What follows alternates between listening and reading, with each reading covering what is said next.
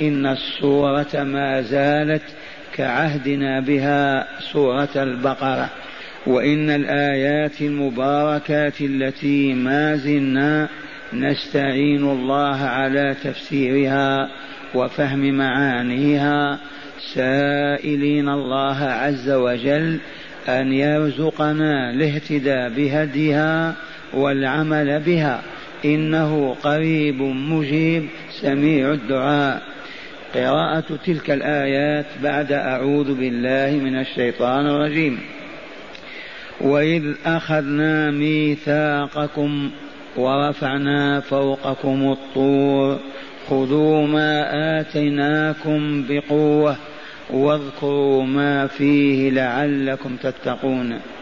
ثم توليتم من بعد ذلك فلولا فضل الله عليكم ورحمته لكنتم من الخاسرين. ولقد علمتم الذين اعتدوا منكم في السبت فقلنا لهم كونوا قردة خاسئين. فجعلناها نكالا لما بين يديها وما خلفها وموعظة للمتقين. معاشر المستمعين والمستمعات من المؤمنين والمؤمنات أطرح هذا السؤال لماذا ندرس هذا الكتاب؟ والكتاب هو كتاب الله القرآن الكريم. لا ندرسه لأجل أن نعرف ما حدث في الكون ولا ما أصاب أقواما سلفت ولكن ندرسه للاهتداء لأن نهتدي إلى الطريق الموصل بنا إلى سعادتنا وكمالنا في الدنيا وفلاحنا وفوزنا في الدار الآخرة بالنجاة من النار ودخول الجنة دار الأبرار. فها نحن مع الحقيقة التي مرت بنا أمس وهو بيان إلهي وهو قوله تعالى إن الذين آمنوا والذين هادوا والنصارى والصابئين هذه أمم ذات أديان ونحن على رأسهم.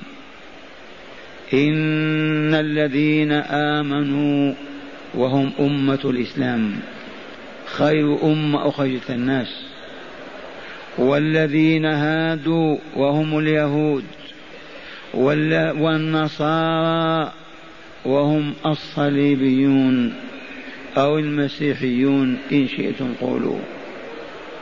والصابئين وهم ما بين هؤلاء وهؤلاء.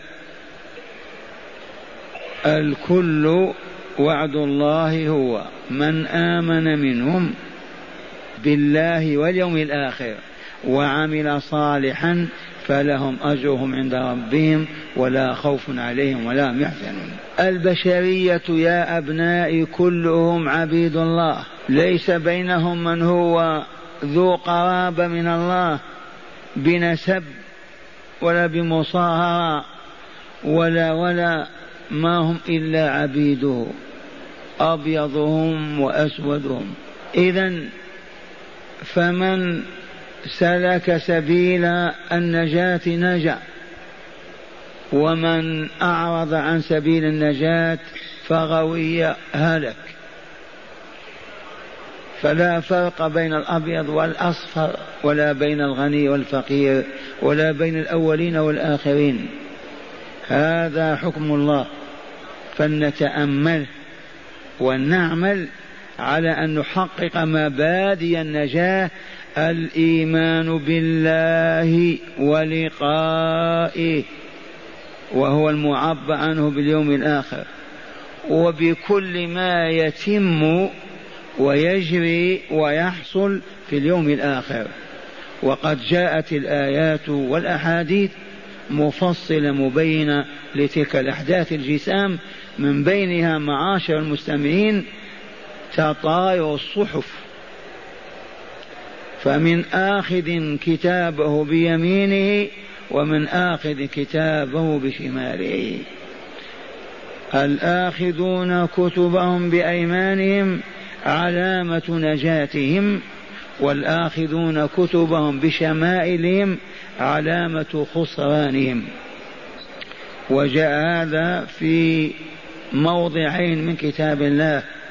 فأما من أوتي كتابه بيمينه فيقول هاؤم اقرأوا كتابيه إني ظننت أني ملاق حسابيه فهو في عيشة راضية في جنة عالية قطوفها دانية كلوا واشربوا هنيئا بما أسلفتم في الأيام الخالية. هذه وأما من أوتي كتابه وراء ظهره فسوف يدعو ثبورا ويصلى سعيرا. لما؟ إنه كان في أهله مسرورا. إنه ظن أن لن يحور. بلى إن ربه كان به بصيرا. وأما من أوتي كتابه بشماله فيقول يا ليتني لم أوت كتابيا ولم أدر ما حسابيا يا ليتها كانت القاضيه ما أغنى عني ماليا هلك عني سلطانيا. خذوه فغلوه ثم الجحيم صلوا ثم في سلسلة ذرعها سبعون ذراعا فاسلكوه. لما لم ما ذنبه. إنه كان لا يؤمن بالله العظيم ولا يحض على طعام المسكين. فليس له اليوم هاهنا حميم ولا طعام إلا من غسلين. لا يأكله لا يأكله إلا الخاطئون. أصحاب الخطايا والذنوب. إذا المطلوب منا أن نحقق إيماننا. الإيمان دعوة يدعيها المنافق ويقول مؤمن ويدعي حتى البلشفي الأحمر ويقول مؤمن. فلا بد من تحقيق الإيمان. كيف أحققه يا شيخ؟ ما عندنا إلا العرض الذي عرضناه على أبصار المؤمنين والسامعات من المؤمنات. نعرضه مرة ثانية. لوحة قرآنية اسمع إن وجدت نفسك بين هؤلاء الذين تسمع وتراهم فاحمد الله عز وجل. وإن وجدتك غير موجود أو تظهر وتختفي آمن من الليلة. ادخل في الإسلام. العرض الأول من سورة الأنفال يقول تعالى إنما المؤمنون وهذا الصيغة. صيغة قصر أي المؤمنون بحق وصدق لا بالادعاء والنطق. إنما المؤمنون الذين إذا ذكر الله وجلت قلوبهم. أما أن يذكر الله فيضحك الضاحكون ويسخر الساخرون ويلهو اللاهون لا إيمان. إنما المؤمنون الذين إذا ذكر الله ذكره من ذكره وجلت قلوب السامعين وإذا تليت عليهم آياته زادتهم إيمانا. يرتفع منسوب إيمانهم من 160 إلى 180 تعرفون مؤشرات الحرارة وإلا لا؟ كيف ترتفع إذا جاءت الحرارة؟ لا بد إذا تليت علينا آيات الله واعظة مذكرة أو آمرة ناهية أن يرتفع إيماننا. وإذا تليت عليهم آياته زادتهم إيمانا وعلى ربهم يتوكلون. وعلى ربهم يتوكلون. ومن باب التوضيح فنقول ومن باب هداية إخواننا وطلب كمالهم وسعادتهم نذكر عيوبنا نزيح الستار عن بعضها علنا نفيق من هذه السكرة. وعلى ربهم يتوكلون. أي لا يتوكلون على الله على غير الله. فنقول الذي يعمل في بنك ربوي وتقول له أي بني أخرج من هذا البنك حتى يخرج كل إخوانك ويغلق البنك بابه ويستريح أهله ويدخلون في رحمة الله فتكون أنت السبب. فيقول أسرتي ومعاشي كيف أترك؟ فنقول توكل على الله فوض أمرك إليه. اطرح بين يديه. ربي أنقذني. فإنه يتولى إنقاذك. فإن قال كما قلت وبقي في تلك الحمأة ما توكل على الله. توكل على الراتب الذي يتسلمه. ونقول للذي فتح ماذا استيريو لبيع أشرطة الأغاني وأفلام الخلاعة والدعارة. يا عبد الله هذا لا يصح من مؤمن يؤمن بالله. أنت تؤذي المؤمنين والمؤمنات. تعرضهم لفتنة نفوسهم وقلوبهم. اتق الله واستبدل هذه الأشرطة ببيع الكسب والبصل والفلفل. ولا تبع ما يؤذي المؤمنين والمؤمنات. فإن قال كيف أعيش؟ توكل على الله أو على الدكان ما توكل والذين يستوردون يستوردون مجلات الدعاء والخلاء. جرائد تحمل الكفر في كثير من صفحاتها. وتقول أي أخي أنت صاحب دكان تبيع أنواع البقلاوة يكفي كذلك. لا تبع هذه المجلة التي تعرف أنها تحمل راية الدعوة إلى الباطل والشر والفساد. يقول الزبناء إذا لم أجد هذه الجريدة أو المجلة ما يشترون. فأنا ما أستطيع. على من توكل؟ وآخر يا عبد الله احجب امرأتك خليها في بيتك. لا تشتغل مع الفحول والرجال. يقول هكذا العيش والحياة ماذا نصنع؟ نقول توكل على الله واترك امرأتك في بيتك. تعده لك وتهيئه وتسعدك فيه لأن تكون جوال بين الرجال من أجل راتب.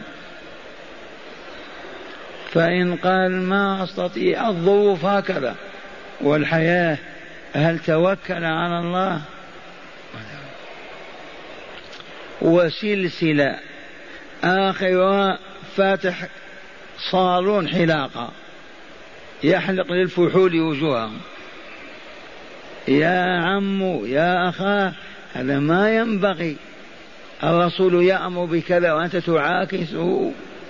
أنت تحلق وجوه الفحول من أجل الريال والعشرة إن أراد أن تحسن له شعره حسن. أما أن تحلق وجهه وشاربه وتتركه كالمرأة فهذا إثم لا يتحمل. لا يطاق فاتق الله. قل ما نستطيع. عيشي على هذا الدكان. وأخيرا وعلى ربهم يتوكلون. الذين يقيمون الصلاة ومما رزقناهم ينفقون. أولئك هم المؤمنون حقا. لهم درجات عند ربهم ومغفرة. ورزق كريم. معاشر الأبناء والإخوان هل نحن إن شاء الله منهم إلى عرض آخر من سورة التوبة؟ أعوذ بالله من الشيطان الرجيم. والمؤمنون والمؤمنات دخل الإناث هنا. لما؟ الأمر خطير. والمؤمنون والمؤمنات بعضهم أولياء بعض. وقد علمتم وزادني الله وإياكم علما أن الولاء هنا الحب والنصرة. الحب والنصرة. على كل مؤمن أن يحب المؤمنين. عمشا رمصا عجزا فقرا متسقين قل ما شئت. مؤمن ينبغي أن تحبه. مؤمنا تحب كل مؤمن ومؤمنة. والنصرة إذا قال عبد الله و إخوانه قل لبيك مد يدك وانصره. هذا هو الولاء. والمؤمنون والمؤمنات بعضهم أولياء بعض. الصيني والكندي والأوروبي والإفريقي والآسيوي ما هناك فرق. مؤمن صادق أحبه.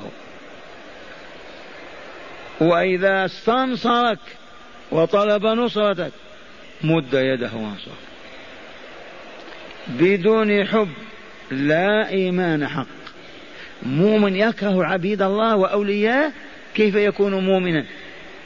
مؤمن يبغض ويكره أولياء الله المؤمنين المتقين؟ والله ما هو بمؤمن. لما ما عرف الإيمان. ما استقر الإيمان في نفسه ما فهم ما هو الإيمان.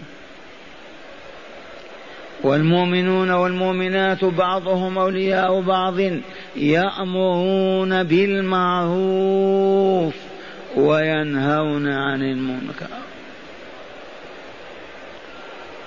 ابدأ ببيتك يا عبد الله.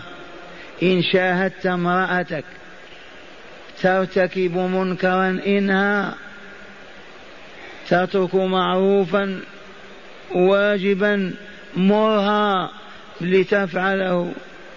ومن امرأتك ابنك وابنتك وأبيك وأخيك إذا كانوا معك. اخرج من البيت جيرانك الذين تلاقيهم ويلاقونك في كل ساعات النهار. منهم أهل العمل معك إن كنت في دائرة أو مزرعة ويبقى أخيرا السوق فقط والشوارع. إذا رأيت منكرا وعرفت أنه مما أنكره الله ورسوله لما يجر من البلاء والخسران على المؤمنين قل يا عبد الله هذا ما ينبغي. افعل كذا فإنه خير لك. بأدب واحترام. وإذا مررت بمنكر يغشاه أخوك يرتكبه فقل أي أخي هذا لا يجوز. هذا أنكره الشارع. قال الله كذا وقال الرسول كذا. هذا خطوة من خطوات الإيمان. يأمرون بالمعروف وينهون عن المنكر ويقيمون الصلاة ويؤتون الزكاة ويطيعون الله ورسوله. أولئك سيرحمهم الله. إن الله عزيز حكيم. أعيد الآيات وانظر هل نحن بينهم. والمؤمنون والمؤمنات بعضهم أولياء بعض. يأمرون بالمعروف وينهون عن المنكر ويقيمون الصلاة ويؤتون الزكاة ويطيعون الله ورسوله. إن شاء الله رأيتمونا بينهم. الحمد لله. الذي ما رؤي الليلة غدا إن شاء الله يرى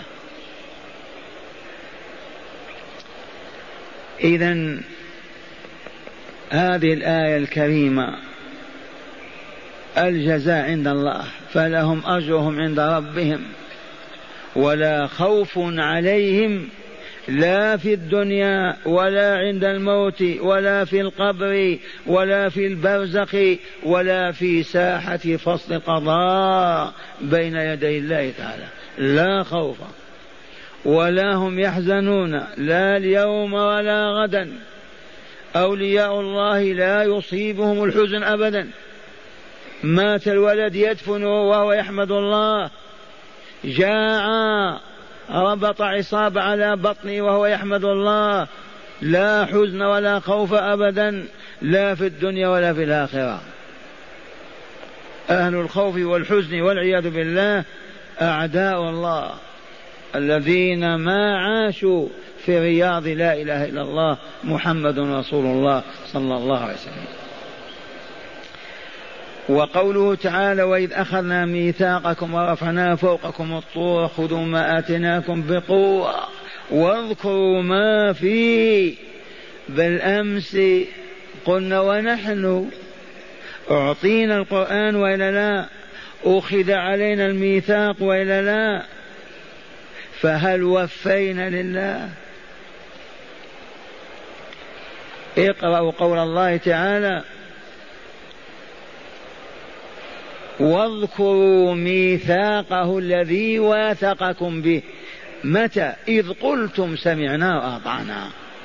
فكل من قال أشهد أن لا إله إلا الله وأشهد أن محمد رسول الله قد أعطى عهدا وميثاقا أن يعبد الله وحده بما شرع أن يعبد به. إذا فهل وفينا لله وأخذنا ما في القرآن؟ الجواب معلوم يا أبنائي. دعنا من أفراد واحد في المليون. هذه أمة ذات الألف مليون. هل حقا أخذنا بكتاب الله؟ قرأناه؟ تعرفنا إلى ما فيه من هدى وأحكام. أخذنا نطبق ذلك على أنفسنا ونستشهد بآيات ربنا. نسبة الناجين منا نسبة قليلة. والله يقول لليهود واذكروا ما فيه ما تنسوا من أمر ونهي. رجاء أن تتقوا. لعلكم تتقون. ثم قال لهم ثم توليتم من بعد ذلك. بعدما أخذ عليهم العهد والميثاق والجبل فوق رؤوسهم يكاد يسقط عليهم وعاهدوا وأخذوا ما إن خرجوا من المحنة حتى أعرضوا وتولوا. ثم توليتم بعد ذلك فلولا فضل الله عليكم ورحمته لكنتم من الخاسرين. كان يبيدهم كما يبيد الأمم والشعوب لكن منة الله ورحمته اقتضت أن لا يصيبهم بوباء يفنيهم به أو يسلط عليهم من يعدمهم. وجاءت حادثة أخرى ولقد علمتم الذين اعتدوا منكم في السبت. ما معنى السبت؟ يوم السبت. كم أيام الأيام؟ ستة أيام. أول يوم السبت والأحد والاثنين والثلاثاء والأربعاء والخميس والجمعة. سبعة. هذه الأيام كما علمتم أن الله عز وجل خلق في يوم الجمعة آدم وأنزله إلى الأرض يوم الجمعة. ذكرى عظيمة هذه. وأن يوم القيامة سيكون يوم الجمعة. وقد قرأتم بالأمس كيف الملائكة على أبواب المساجد يكتبون القادمين إلى المسجد الأول فالأول حتى إذا خرج الإمام طووا الصحف ودخلوا يستمعون الذكر. هذا يوم الجمعة عرضه الله تعالى على اليهود. فرفضوا. وأفسد قلوبهم علماؤهم وقصصهم ورهبانهم. وعدلوا عن السبت عن عن الجمعة إلى السبت. إذا فلما أخذوا السبت مكابرين معاندين فرض الله تعالى عليهم ترك العمل يوم السبت. ومن آخر سورة النمل النحل إنما جعل السبت على الذين اختلفوا فيه. لو تركوا الجمعة كانوا آمنين لكن اختلفوا وقالوا السبت بحجة أن الله ابتدأ الخلق يوم السبت وأن الله استراح يوم السبت وحاشاه أن يستريح. ومن سورة قاف يقول تعالى ولقد خلقنا السماوات والأرض وما بينهما في ستة أيام وما مسنا من لغوب أي نصب أو تعب.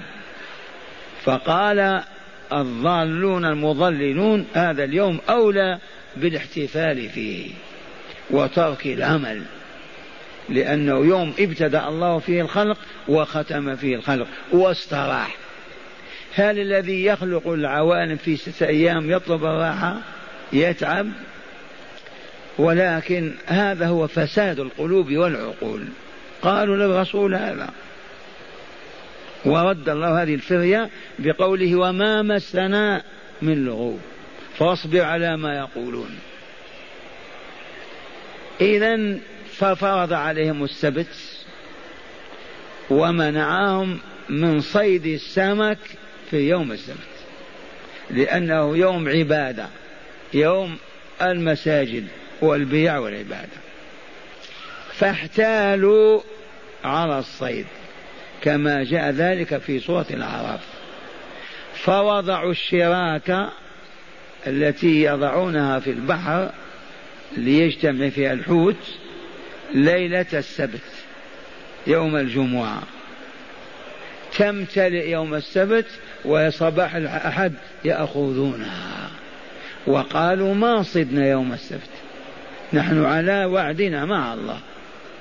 الشراك وضعوها بليلة أخذوا الحوت في اليوم الثاني. وهذه الحيل التي قال لنا رسولنا صلى الله عليه وسلم لا, تت... لا تتبعوا اليهود. لا تستحلوا محارم الله بأدنى الحيل. لا الحديث ما هو لا ترتكبوا ما ارتكبت اليهود. فتستحلوا محارم الله بأدنى الحيل. والشاهد عندنا في أهل هذه القرية المدينة الساحلية. مدينة على ساحل البحر. أهلها ارتكبوا هذا الجرم. إذا فلنقرأ الآية الكريمة. قال تعالى من سورة الأعراف واسألهم عن القرية. اسمعوا القرية في عرف القرآن المدينة الكبيرة مأخوذة من التقري الذي هو التجمع. ما هو باصطلاح الغربيين. واسألهم عن القرية التي كانت حاضرة البحر إذ يعدون في السبت إذ تأتيهم حيتانهم يوم سبتهم شرعا ويوم لا يسبتون لا تأتيهم. كذلك نبلوهم بما كانوا يفسقون. فسقوا. ماذا فعلوا؟ اصطادوا. ارتكبوا جريمة. ونحن الآن عامة المسلمين وإن زنى ما فسق وإن كذب وإن اغتاب وإن سرق ما هو الفسق؟ اصطادوا بالحيلة أيضا. ما تحدوا الله احتالوا. قال فسقوا وإلا لا؟ ويوم لا يثبتون لا تأتيهم كذلك نبلوهم بما كانوا يفسقون. هنا وإذ قالت طائفة منهم لم تعظون قوما الله مهلكهم أو معذبهم عذابا شديدا؟ قالوا معذرة إلى ربكم ولعلهم يتقون. فلما نسوا ما ذكروا به أنجينا الذين ينهون عن السوء وأخذنا الذين ظلموا بعذاب بئيس بما كانوا يفسقون. فلما عتوا عن ربهم قلنا لهم كونوا قردة خاسئين إذا أهل المدينة انقسموا ثلاث أقسام. قسم أنكروا وتبرأوا وقالوا هذه حيلة واعتداء على الشريعة بالحيل. لقد صدتم وضعتم الشراك قبل السبت وأخذتم يوم الحد تجمع الحوت يوم السبت. فأنتم صائدون والله حرم العمل في هذا اليوم. وطائفة أخرى سكتوا إما آيسون كأكثرنا ما فيه من يستجيب ما فيه من يقبل اترك خلي الناس لما هم له. وطائفة ارتكبت الجريمة. قال تعالى فنجينا الذين ينهون عن السوء. وأخذنا الذين ظلموا بعذاب بئيس بما كانوا يفسقون وهو أنه مسخهم قردة. أصبحوا في الصباح يخرجون من بيوتهم قردة.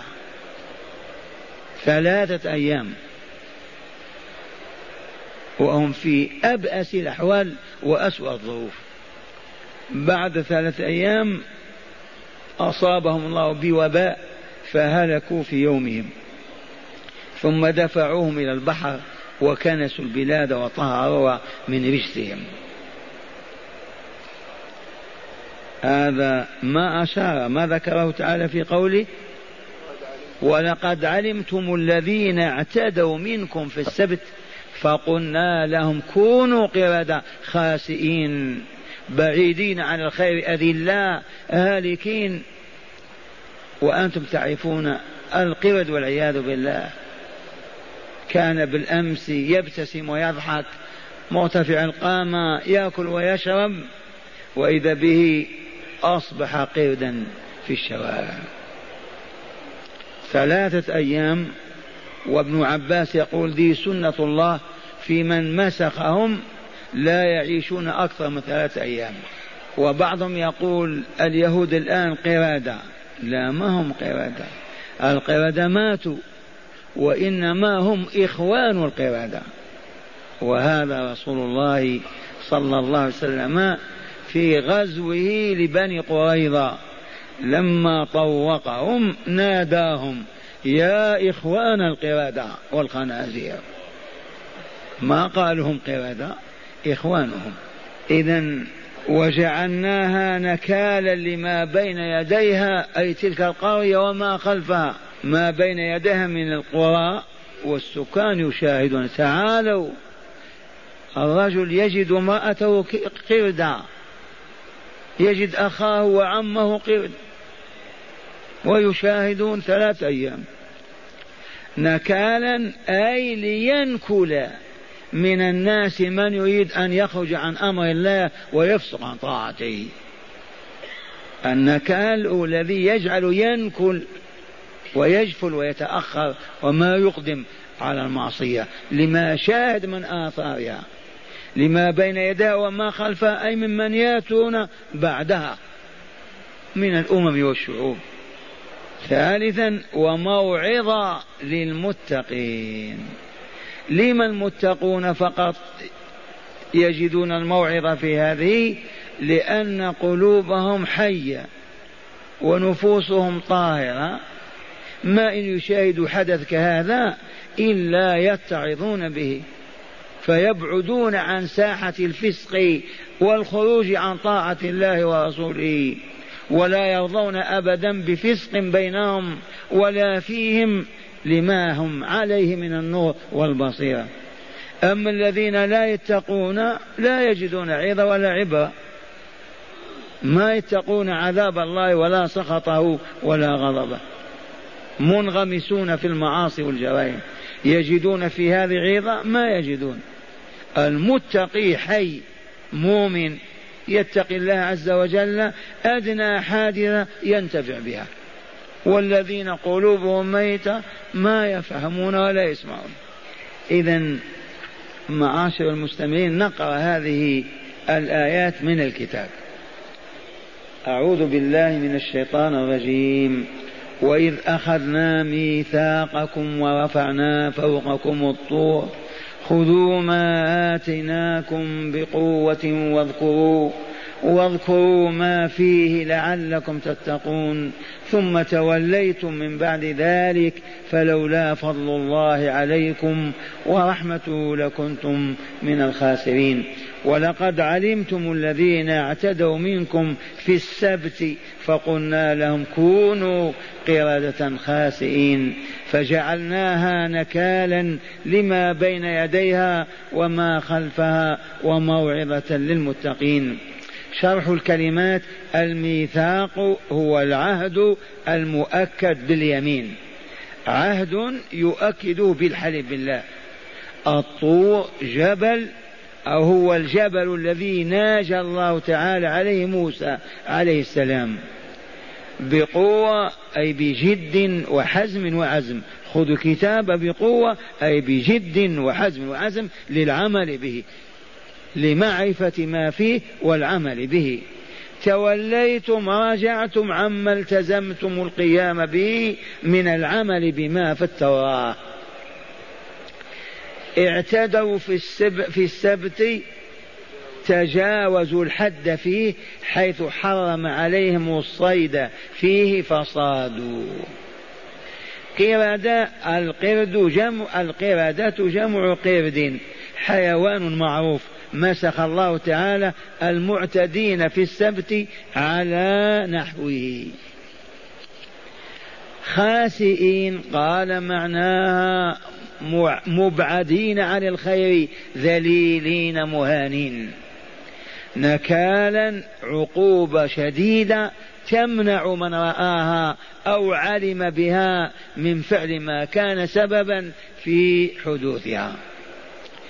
لما بين يديها وما خلفها أي لما بين يدي العقوبة من الناس ولمن يأتي بعدهم من أمثالنا. وموعظة للمتقين يتعظون بها فلا يقدمون على معاصي الله عز وجل. هذه هي الكلمات الإلهية.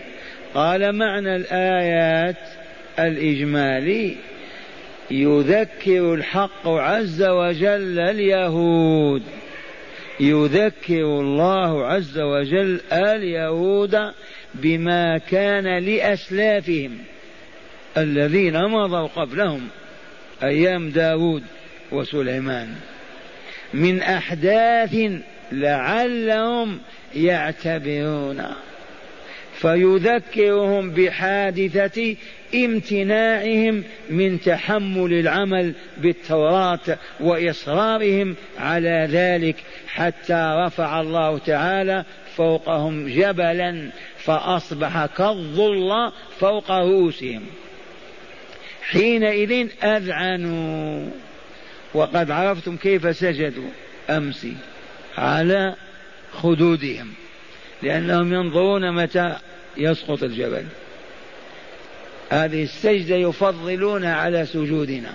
قال لأن الله أنجى بني إسرائيل بها. قال فأصبح كالظلة فوق رؤوسهم حينئذ أذعنوا. وأعطوا العهد غير أنهم تراجعوا بعد ذلك ولم يفوا بما التزموا به فاستوجبوا الخسران لولا فضل الله ورحمته.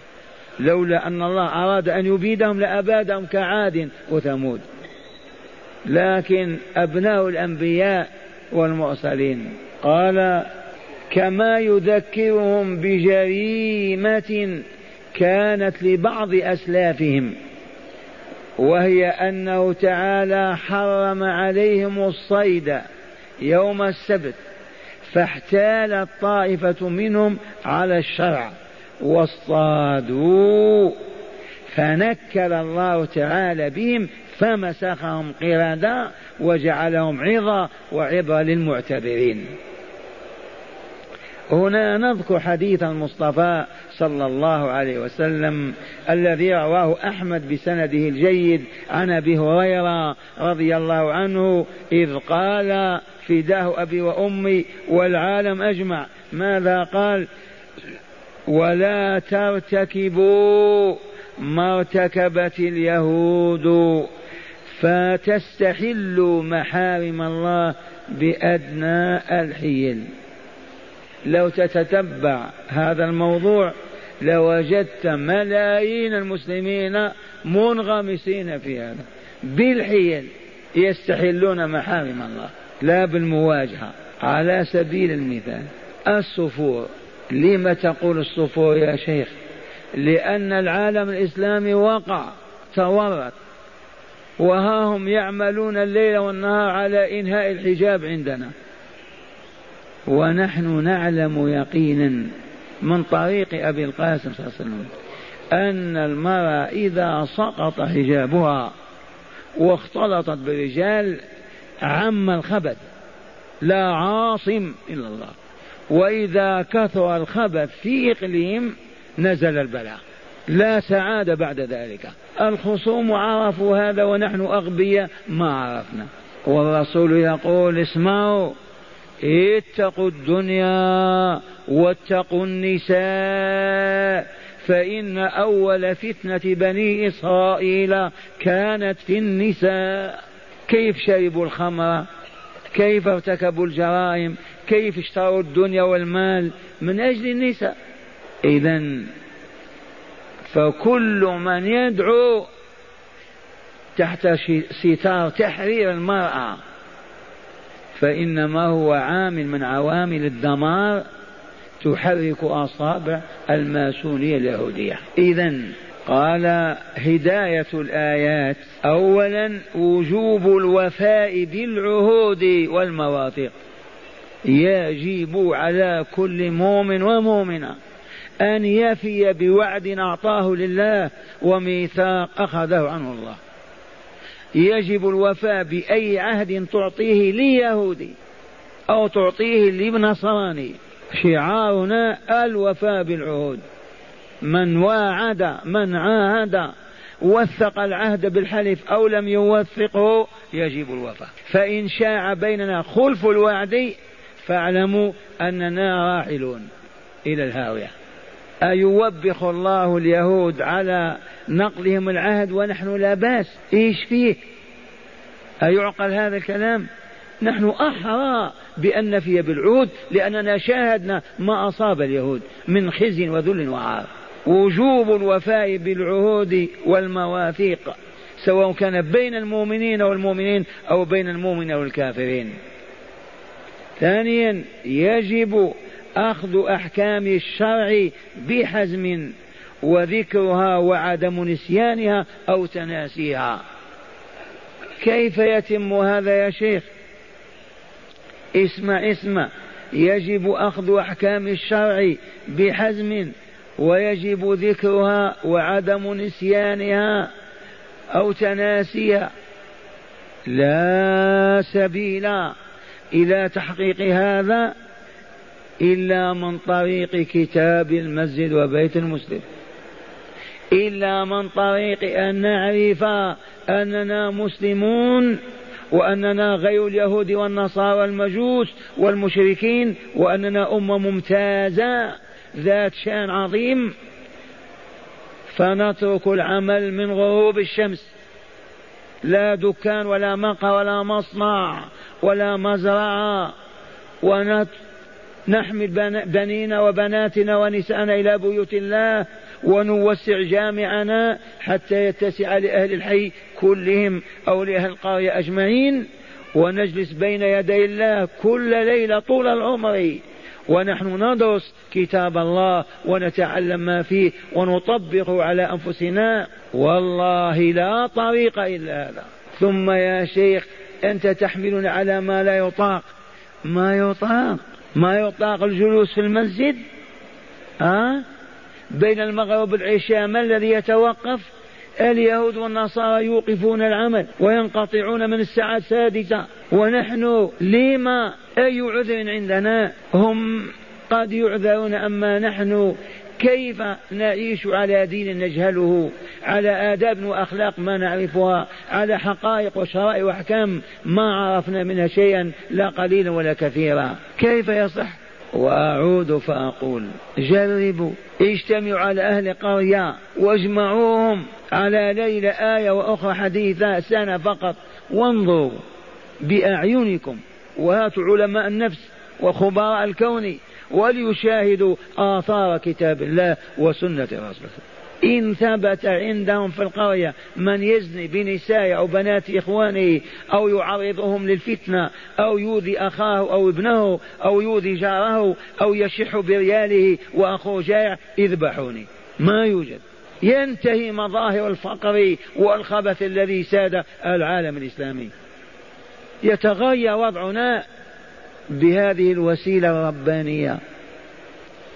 وسيلة الإيمان الحق. لنحقق إيماننا. ونترجمه عملا ناصعا صادقا بيننا. قالوا ما نستطيع. ما نستطيع نجتمع في القرية هكذا. النساء وراء والأطفال دونهن والفحول أمام الكل والمربي أمامهم. يقرأ معهم آية. ويتغنوا بها جميعا حتى تحفظ. يقرؤون حديثا فتنتهي المذهبية. والله ما يبقى من يقول أنا أنا مالكي أنا شافعي أنا زيدي. ما بقي نحن مع الله ورسوله. قال الله قال رسوله. تبقى حزبية ونظامية. نحن ننتمي إلى كذا. والله ما تبقى تبقى وطنية أنا من وطن كذا لا وجود لها أمة واحدة. قال الله قال رسوله يا علماء احملوا هذه الرسالة انشروها عاجز ما استطاعوا. لو قام بحملة كما قمنا بها علماء المسلمين لكان المسلمون الآن كلهم في بيت الرب. كيف يكون حالهم؟ العالم يتحرك يهتز. كيف أقبل المسلمون هذا الإقبال على بيوت الرب؟ ماذا يريدون؟ ونترك الأمر لله. أقول مما هو هداية هذه الآية الكريمة. يجب أخذ أحكام الشرع بحزم وذكرها وعدم نسيانها أو تناسيها. ثالثا لا تتم التقوى لعبد إلا إذا أخذ أحكام الشرع بحزم وعزم. ما هو إن شاء فعل وإن شاء ما يفعل. رابعا حرمة الاحتيال لإباحة المحرم وسوء عاقبة المحتالين المعتدين والعياذ بالله تعالى رب العالمين.